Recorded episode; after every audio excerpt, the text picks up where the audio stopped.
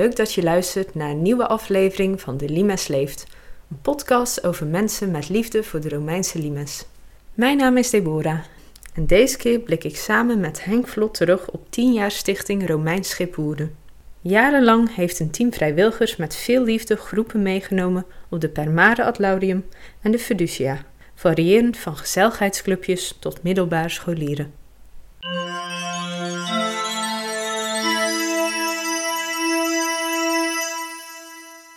Ik ben Henk Vlot, geboren in 1943. Sinds 2002 werk ik niet meer. Uh, en sinds die tijd ben ik dus heel erg bezig met leuke dingen zoeken om toch uh, bezig te blijven. En in 2007 kwam de vraag vanuit Utrecht of Woerder geïnteresseerd was in het gebruik van een Romeins schip, een reconstructie van een Romeins schip, dat op dat moment in aanbouw was in de Meer, bij de bouwloods in de Meer. En de toenmalige zeer enthousiaste wethouder Manfred van der Heijden heeft daar vrij snel ja tegen gezegd. En toen mensen om zich heen verzameld die konden nadenken over als we, als we zo'n schip nou in Woerden zouden krijgen, wat gaan we er dan mee doen? Kunnen we er wat mee? En zo ja, wat doen we er dan mee? En in die tijd zijn zowel Irene, mijn echtgenote, als ik daarbij betrokken geraakt. En Irene vanuit haar lidmaatschap van het Gilde in Woerden. En zij heeft ook een achtergrond als museumgids. Zij is in Singapore opgeleid tot museumgids en heeft zelf ook nieuwe museumgidsen opgeleid. Dus die achtergrond kwam van pas. En ik zat op dat moment in Stichting Woerden Promotie. Een kleine stichting met een paar vrijwilligers die gewoon nadenken over hoe zet je Woerden op de kaart, hoe maak je Woerden nog leuker dan het al is.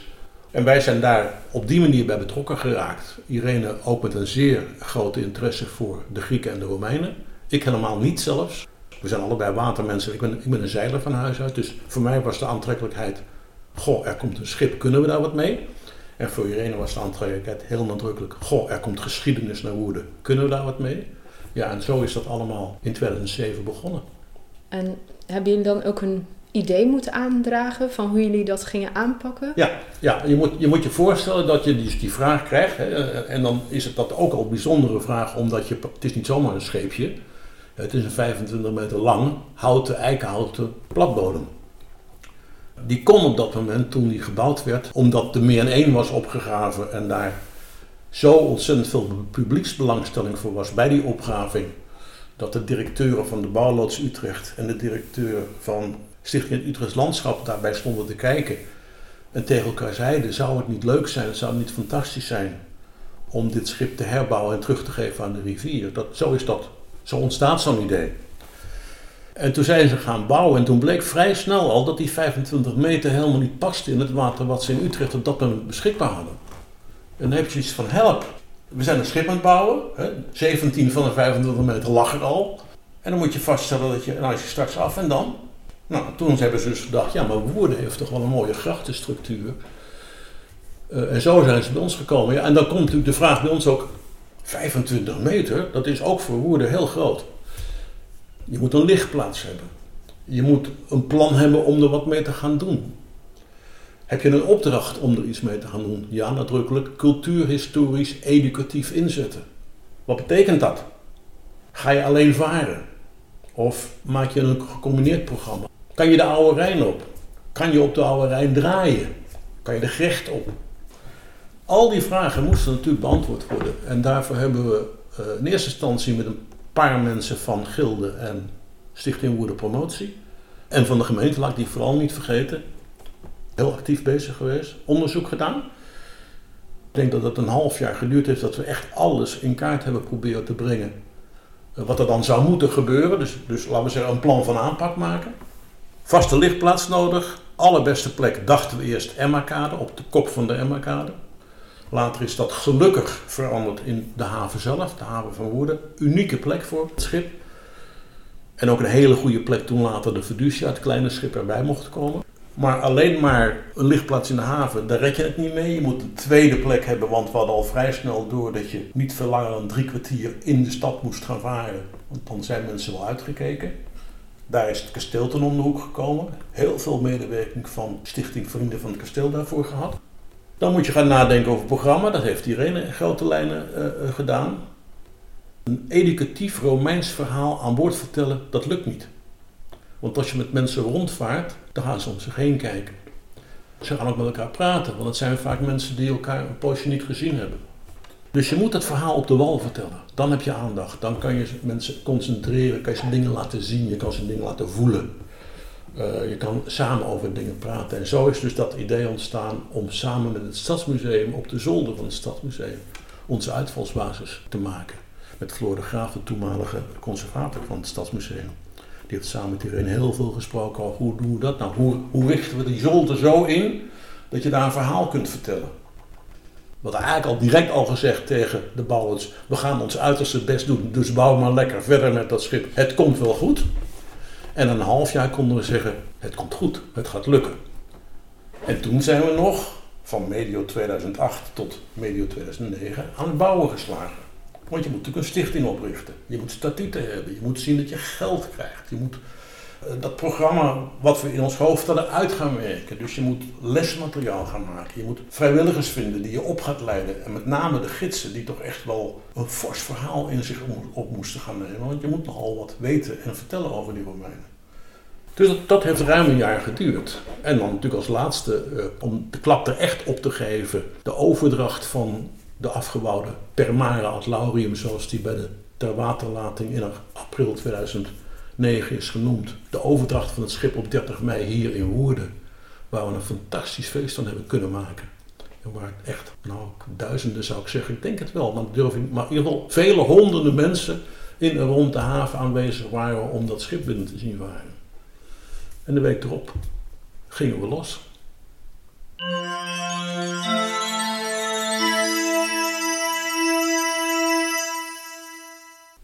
Toen zijn jullie begonnen. In het begin neem ik aan een soort van proeftijd om ook te kijken of uh, alles werkt. En als je dan ja. een seizoen aan het varen bent, wat is er toen uitgekomen aan onverwachte dingen misschien of uitdagingen?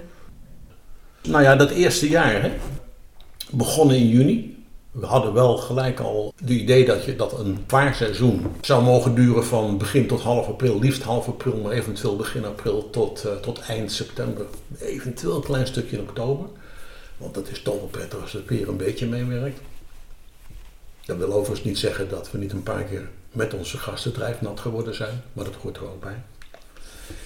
Maar we hadden heel sterk indruk. We zijn uh, van start gegaan met het idee om elke woensdag vier keer losse kaartjes te verkopen voor vier arrangementen op de dag. En elke, elke zaterdag ook. Dus we zouden acht keer per week losse kaartjes verkopen. En om het een beetje rendabel te maken, moet je van de 36 plaatsen boord toch wel 20, 22 verkocht hebben. Dat plan is na twee weken al de prullenbak ingegaan. En toen werd het de woensdagen, die slaan we maar over. Want we dachten aantaken op de markt en de vrije woensdagmiddag van scholen, maar dat lukte voor geen meter. En toen hebben we na twee maanden ook zelfs de zaterdag ook teruggebracht na twee keer losse kaartverkoop. De arrangementen zoals wij die in de markt gezet hebben, die zijn heel aantrekkelijk voor groepen. En veel minder voor jij en je vriendin die zeggen, joh kom nou Woerden, gaan we gezellig vanmiddag even anderhalf uur dat Romeinse arrangement doen. Nee, het zijn families, het zijn bedrijven, het zijn serviceclubs, het zijn uh, historische verenigingen. Nou ja, in allerlei samenstellingen uh, groepen die geïnteresseerd zijn in, dit, uh, in wat wij gedaan hebben. En dan moet je er ook bij zeggen, we hadden uiteindelijk een historisch en een Romeins arrangement binnen Woerden. We hadden een grechtarrangement, we hadden een oude Hollandse waterliniearrangement naar de Wierkeschans. Wierkeschans zijn we na twee jaar mee gestopt. Geen animo voor, totaal vijf of zes keer hooguit in die twee jaar uitgevoerd. Gerecht hebben we tot het eind gedaan, maar als we er twee per jaar hadden was het veel. Samenwerking met de boerin. Dus het draaide uiteindelijk helemaal om toch die Woerdense singles. Een totaal arrangement van anderhalf uur met drie kwartier op de kant en drie kwartier varen. Waar we eigenlijk 85% van onze omzet mee halen. Dus laten we zeggen, hoe ga je geld verdienen is in de praktijk heel anders gegaan dan we dachten.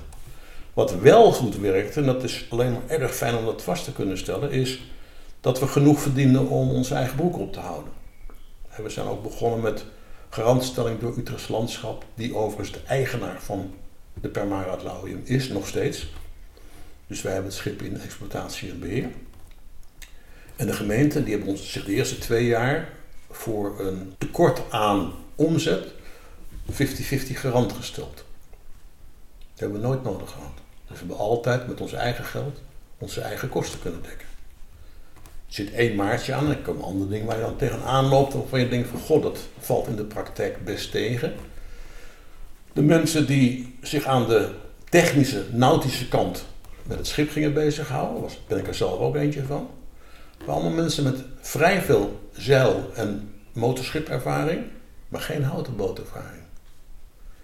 Ik had zelf een 9 meter polyester zeiljacht. Onderhoud van zo'n schip is wel, is wel veel werk, maar is eigenlijk prima te doen. Een houten schip, zeker dat dat dus opgebouwd is uit houten stukken naast elkaar, zoals de Permare, die met vlakplanken die tegen elkaar aan liggen, opgebouwd is. Er hoeft maar zo'n scheurtje in te komen, je hebt een lekje. Uh, als er te veel water in staat en er komt geen zuurstof bij, gaat het rotten. Die kant van het hele project, het onderhoud van die beide eikenhouten schepen, dat is ons wel tegengevallen. En ik denk ook in alle eerlijkheid dat een van de redenen waarom we niet meer voldoende mensen konden krijgen om hier in Woerden door te gaan, toch ook wat te maken heeft met het feit dat die schepen allebei open en bloot in de haven lagen, in weer en wind. Uh, en daardoor toch erg te lijden hadden. Zo erg te lijden dat wij het zelf met onze vrijwilligers niet meer konden bijhouden. En we hebben weliswaar elke twee jaar een stukje professioneel onderhoud laten doen. Maar dat is dan toch achteraf wel iets te krap geweest. Dus in die zin zou je kunnen zeggen, daar, dat is misschien de grootste tegenvaller die we hebben gehad. Het is geen sinecure om eikenhouten schepen in de vaart te halen. En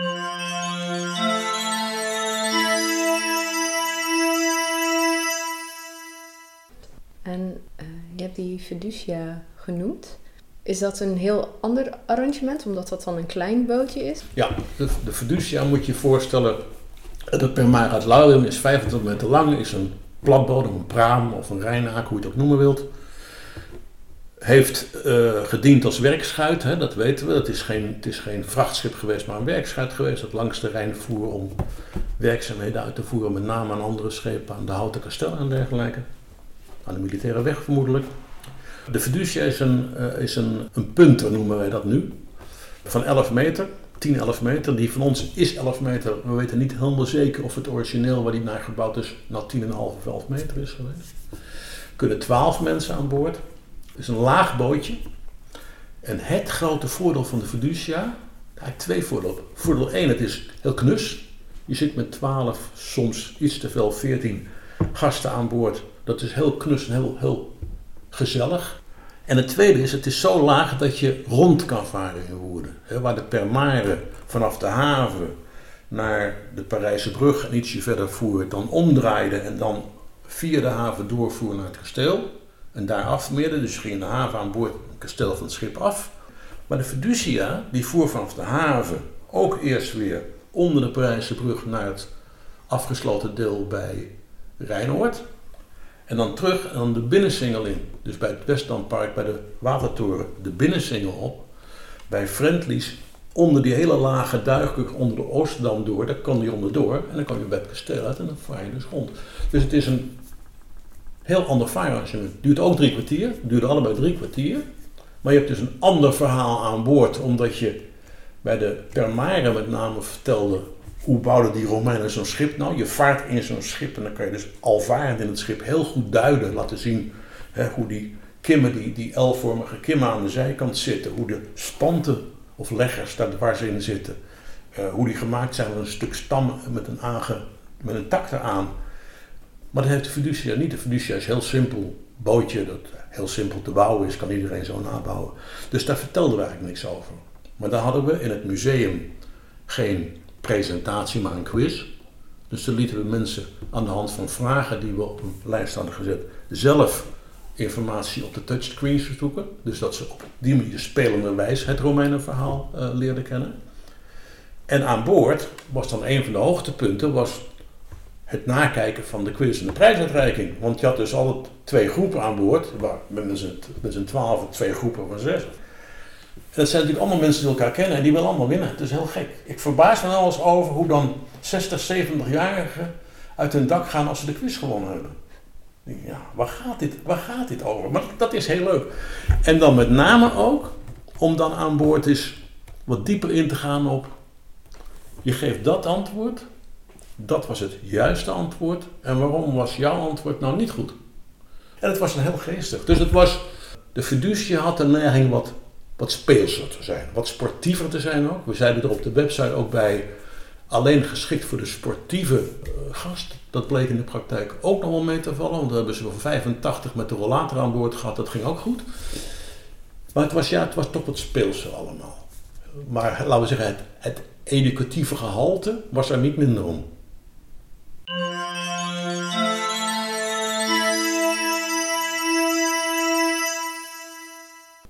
Ik zit hier vandaag voor het interview natuurlijk ook omdat er na tien jaar dus in Woerden in ieder geval een uh, einde komt aan Stichting Romeins Schip Woerden. Ja. Kun je daar iets over vertellen? Wat er in de praktijk is gebeurd is, ik heb het al uh, eigenlijk in het, eerder in het interview iets, iets op gehind, is ja, dat, dat het toch best lastig is om de mensen die je hebt, om die gemotiveerd te houden. En dat, uh, dat hebben we eigenlijk al na een jaar of vier, zag je dat al, al een beetje, beetje gebeuren. En het had vooral te maken met het feit dat we op dat moment nog geen problemen hadden om nieuwe vrijwilligers te krijgen, maar dat we wel problemen hadden om het bestuur aan te vullen als dat nodig was. Ik zei al eerder dat ik, dat ik zelf heel veel gedaan heb. Dat geldt voor Irene ook. Irene is niet alleen maar bestuurslid, maar heeft ook alle contacten met al zijn groepsklanten verzorgd. Die heeft de gidsen ingedeeld. Dus die deed ook meer dan alleen maar bestuurder zijn. En ik ben er gewoon, wij zijn er gewoon samen eigenlijk toch wel uh, in die zomervakantie, zomerperiode, die hele vaarperiode dat we hadden, zijn we daar continu mee bezig geweest. Zo erg dat we ook tussen begin april, eigenlijk al half maart en half oktober nooit op vakantie gingen. Heel bewust niet weg uit Woerden. Hebben we één keer gedaan, dat was een vergissing, moet je niet doen. Daarvoor leunde het helaas te veel op wat wij samen konden inbrengen.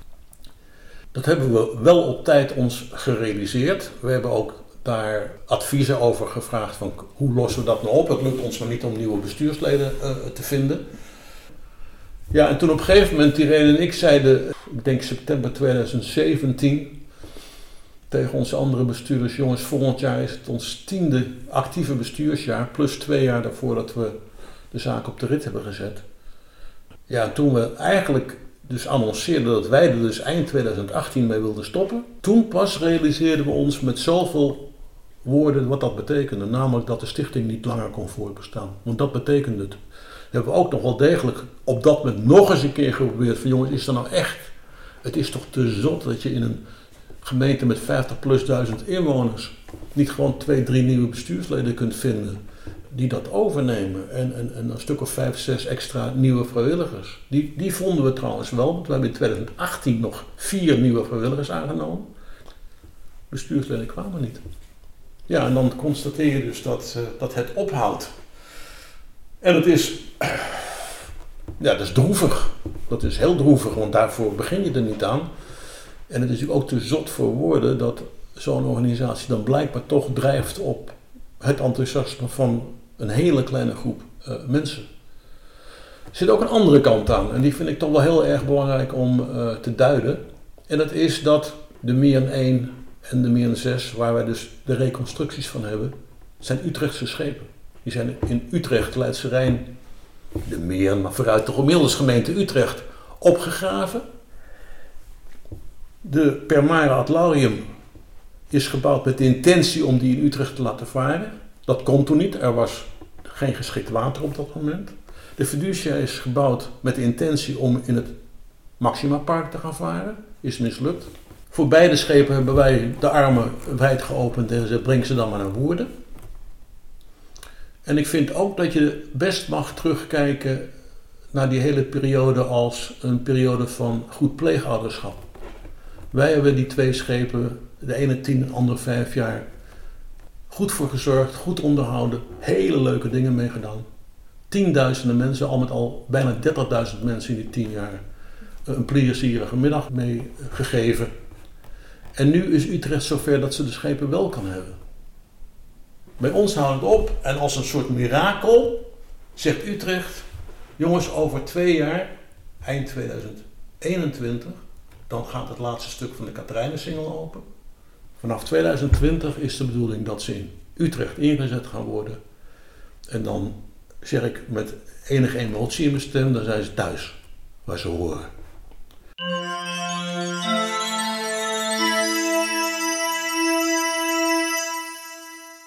In Woerden zullen de Romeinse schepen zeker gaan missen. Ik hoop dat Utrecht de schepen met net zoveel overgave en liefde gaat inzetten. Volgende keer spreek ik met een van de Utrechtse onderhandelaars. Erik Graafstal is gemeentelijk archeoloog van Utrecht en initiatiefnemer van Kastelm. Wil je weten hoe deze bijzondere plek tot stand is gekomen? Luister dan volgende keer weer naar een nieuwe aflevering van De Limes Leeft.